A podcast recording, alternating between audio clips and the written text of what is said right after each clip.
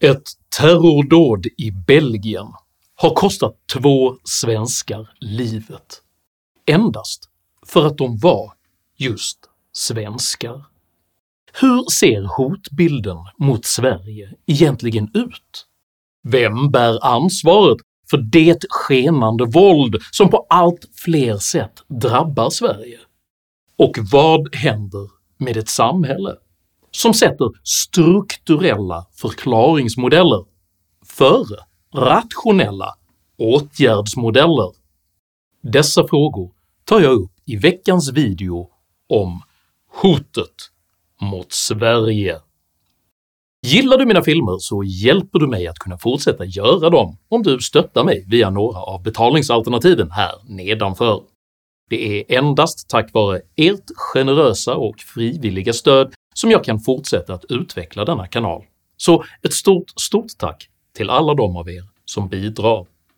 Idag talar jag om teorier, om traditioner och om terror. Häng med!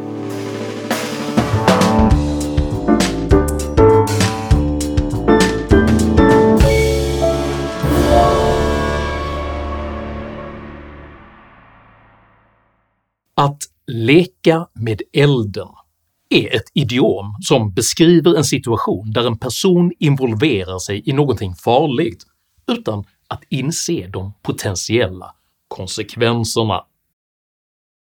På detta sätt har Sveriges politiska ledning underskattat omfattningen av de konflikter som skulle uppstå till följd av religiösa, moraliska och politiska kulturkrockar i samband med ett mycket stort flyktingmottagande. Resultatet är att Sverige nu sticker ut som ett land allt mer präglat av okontrollerbart våld, där både upplopp, dödsskjutningar och våldsförhärligande hyllningar av terrororganisationer blir vanligare och vanligare. Aldrig tidigare i modern tid har Sverige och svenska intressen varit under lika stort hot som just nu. Som kulmen på denna mörka utveckling mördades i början av veckan två äldre svenska män kallblodigt i ett islamistiskt terrordåd i Belgien, specifikt för att de var just svenskar. För det var så att den här 45-åriga terroristen uttryckligen var ute efter att döda just svenskar. Ett hänsynslöst terrordåd som ser ut att vara riktat just mot Sverige och svenskar.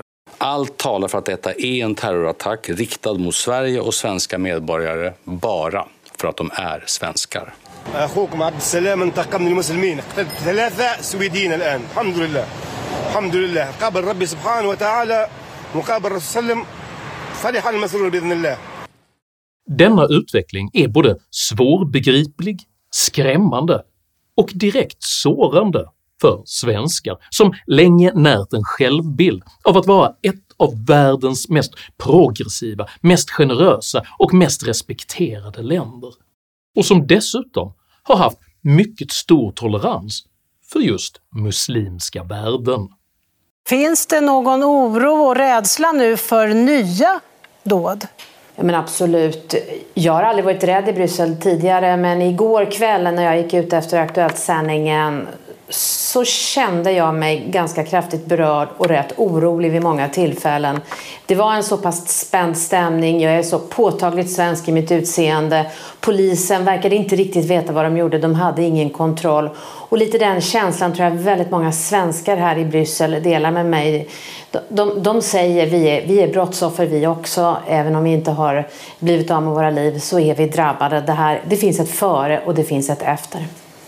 Konsekvensen av detta är att Sverige just nu genomgår en form av identitetskris, där inte bara landets politik förändras i grunden utan även svenskarnas bild av sig själva och hur de uppfattas i världen.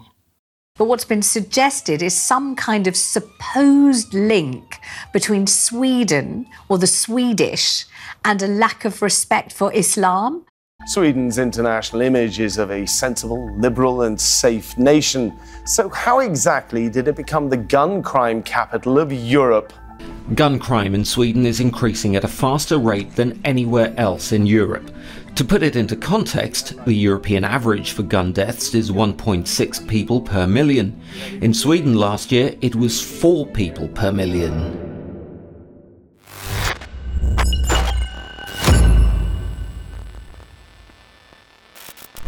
En betydande anledning till denna smärtsamma identitetskris är att både politiker och media under flera decennier har torgfört en maktanalytisk verklighetsbeskrivning där uppfattat underordnade grupper har försvarats även när deras åsikter och beteenden varit etiskt klandervärda.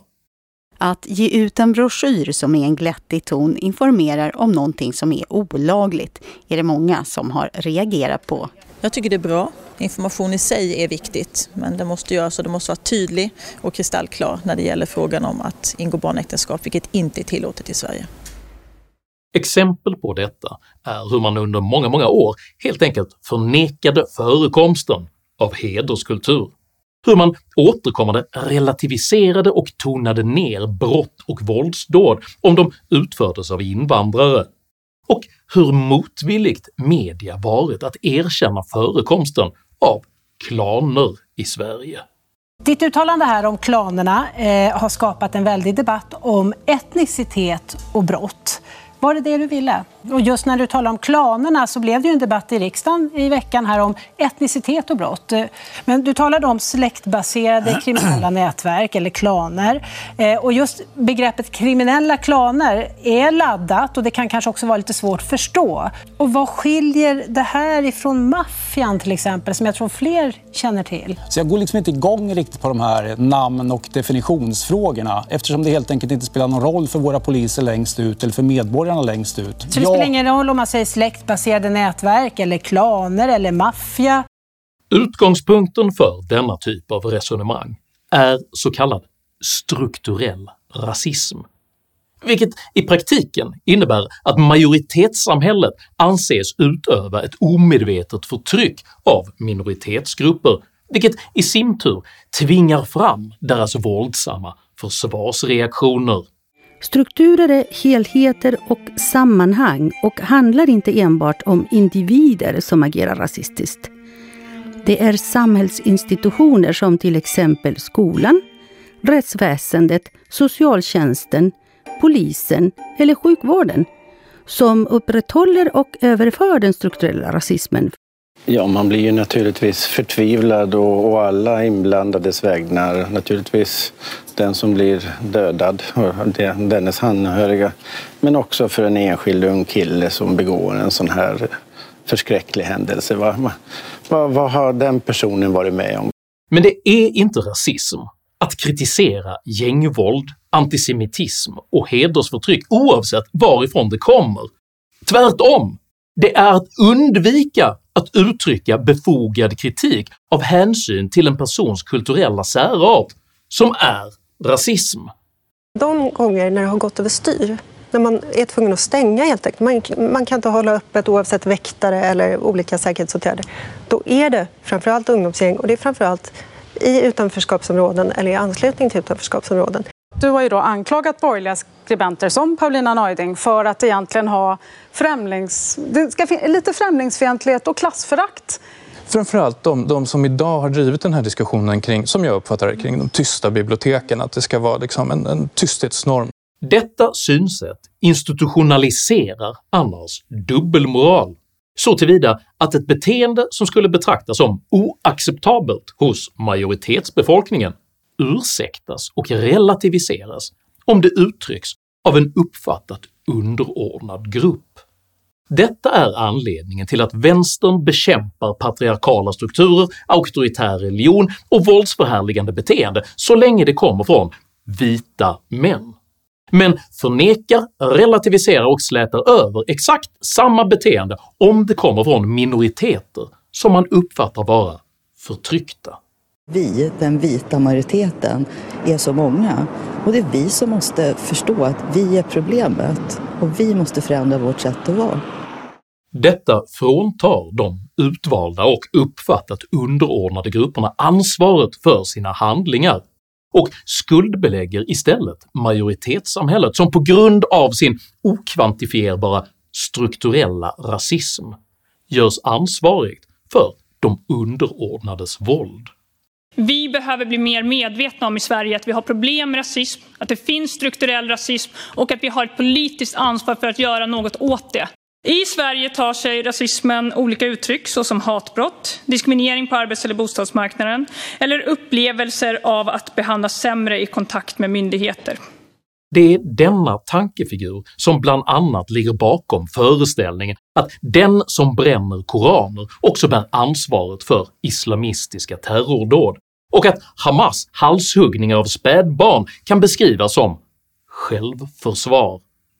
Denna utveckling, där ansvaret för islamistiskt våld läggs på de som kritiserar islamismen, har förberetts under flera månader och jag kommenterade själv redan i somras vänsterns planer på att skuldbelägga specifikt Sverigedemokraterna men i förlängningen hela regeringen för ett kommande terrordåd. Man positionerar sig för att vinna politiskt på ett eventuellt terrorattentat.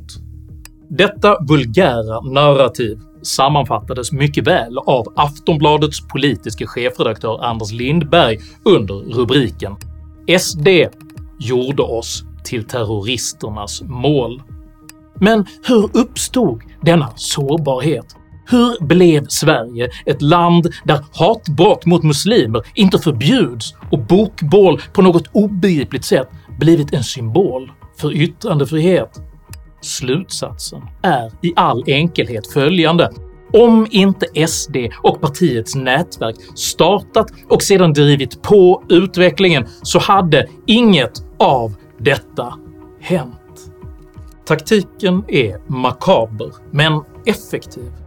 Man förbereder ett medialt narrativ där Sverigedemokraterna ska beskyllas för ett kommande terrordåd.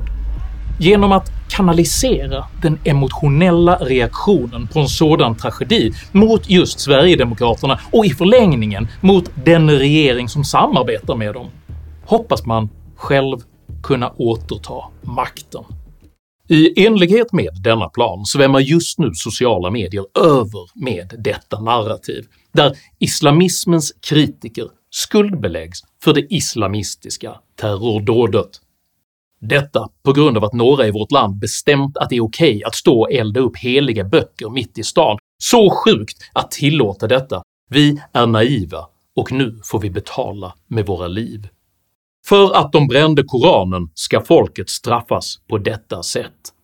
Fransk TV förklarar bakgrunden till dådet i Bryssel, går in på detaljer om Paludans koranbränningar och extremhögerns stöd för detta. Regeringsunderlaget det är så djupt tragiskt att de fått detta inflytande. Det är SD-anhängarna som legat bakom koranbränningarna och SD som har hetsat om att bränna hundra till. Morden i Bryssel är en direkt konsekvens av koranbränningar som kan ledas till SD. Denna förflyttning av skuld från våldsverkare och våldsapologeter till Sveriges demokratiskt valda högerpartier kröns nu av den högt uppsatte socialdemokraten Ulf Bjäreld. Antisemitismen är ett avskyvärt gift var den än framträder. Tro inte att det i första hand är ett vänsterfenomen, tvärtom. Denna rapport från Levande historia visar starkast samband mellan antisemitism och sympatier för SD. Bjärels argumentation är både ohederlig och direkt kontraproduktiv för att kunna komma till rätta med problemen, för tvärt vad Bjereld säger visar faktiskt den rapport han refererar till att antisemitism förekommer mer bland både muslimer och vänsterextremister än hos högern.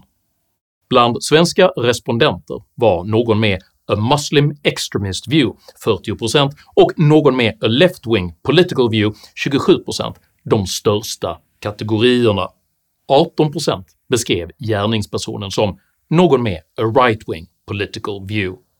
I linje med denna fokusförflyttning överskuggades i viss mån rapporteringen om det faktiska terrordådet av ett illa formulerat inlägg i sociala medier där sverigedemokraten Jessica Stegrud skuldbelade den tidigare statsministern Fredrik Reinfeldt.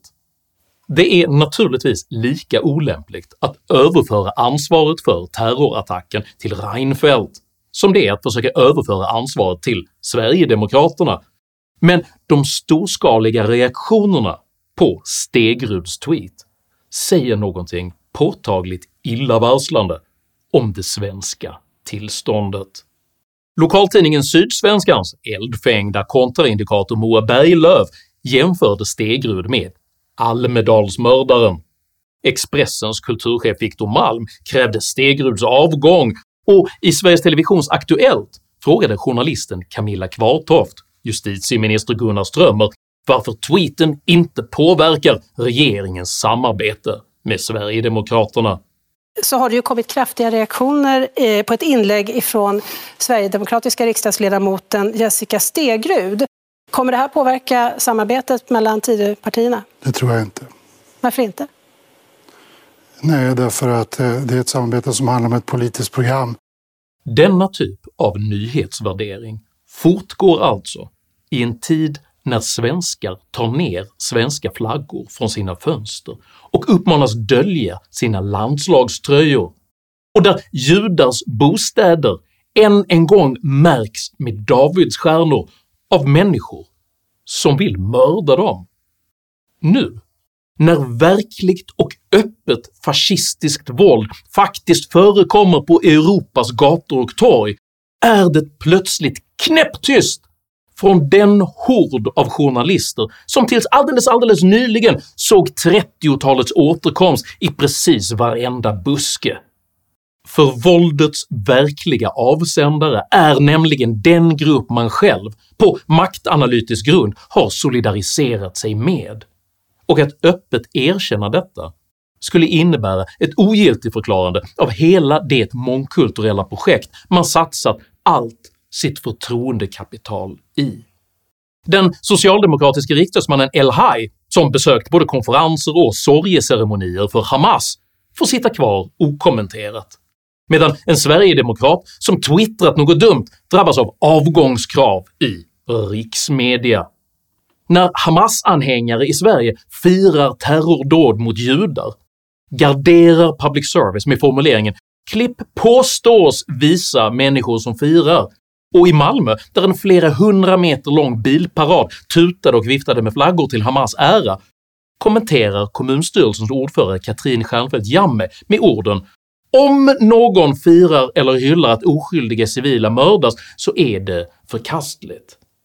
Men när ett sjukhus i Gaza sprängs sönder lägger socialdemokraternas partiledare utifrån obekräftade uppgifter omedelbart och offentligt skulden på Israel och när detta visar sig vara fel låtsas hon inte ha menat det.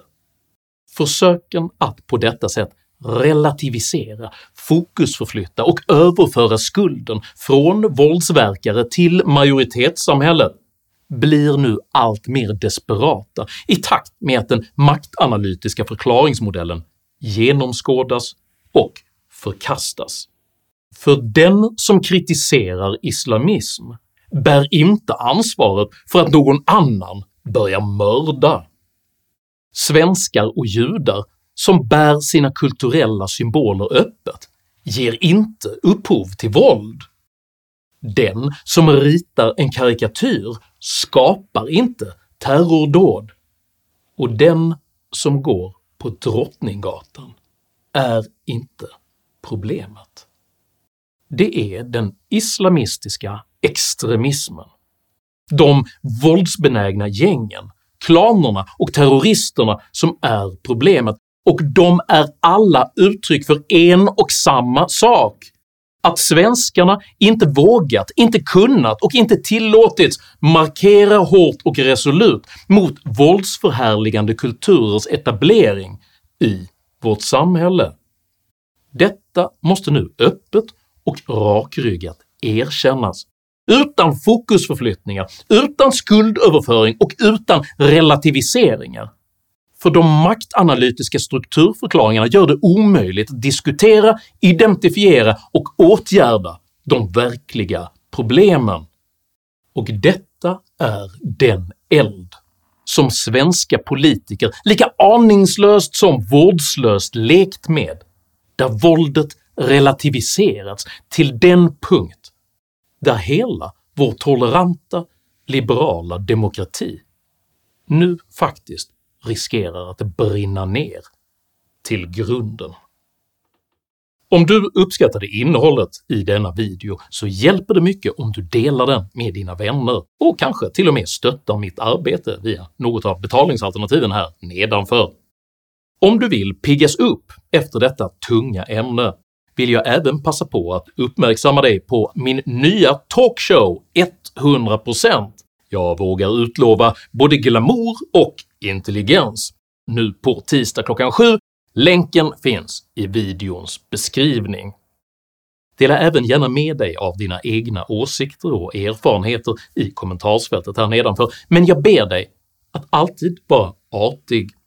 Jag accepterar inte aggression, personpåhopp eller rasism i mina idédrivna kommentarsfält, och tack för att du som kommenterar respekterar detta. Jag heter Henrik Jönsson, och jag förkastar den strukturella rasismens verklighetsbeskrivning. Tack för mig och tack för att du har lyssnat.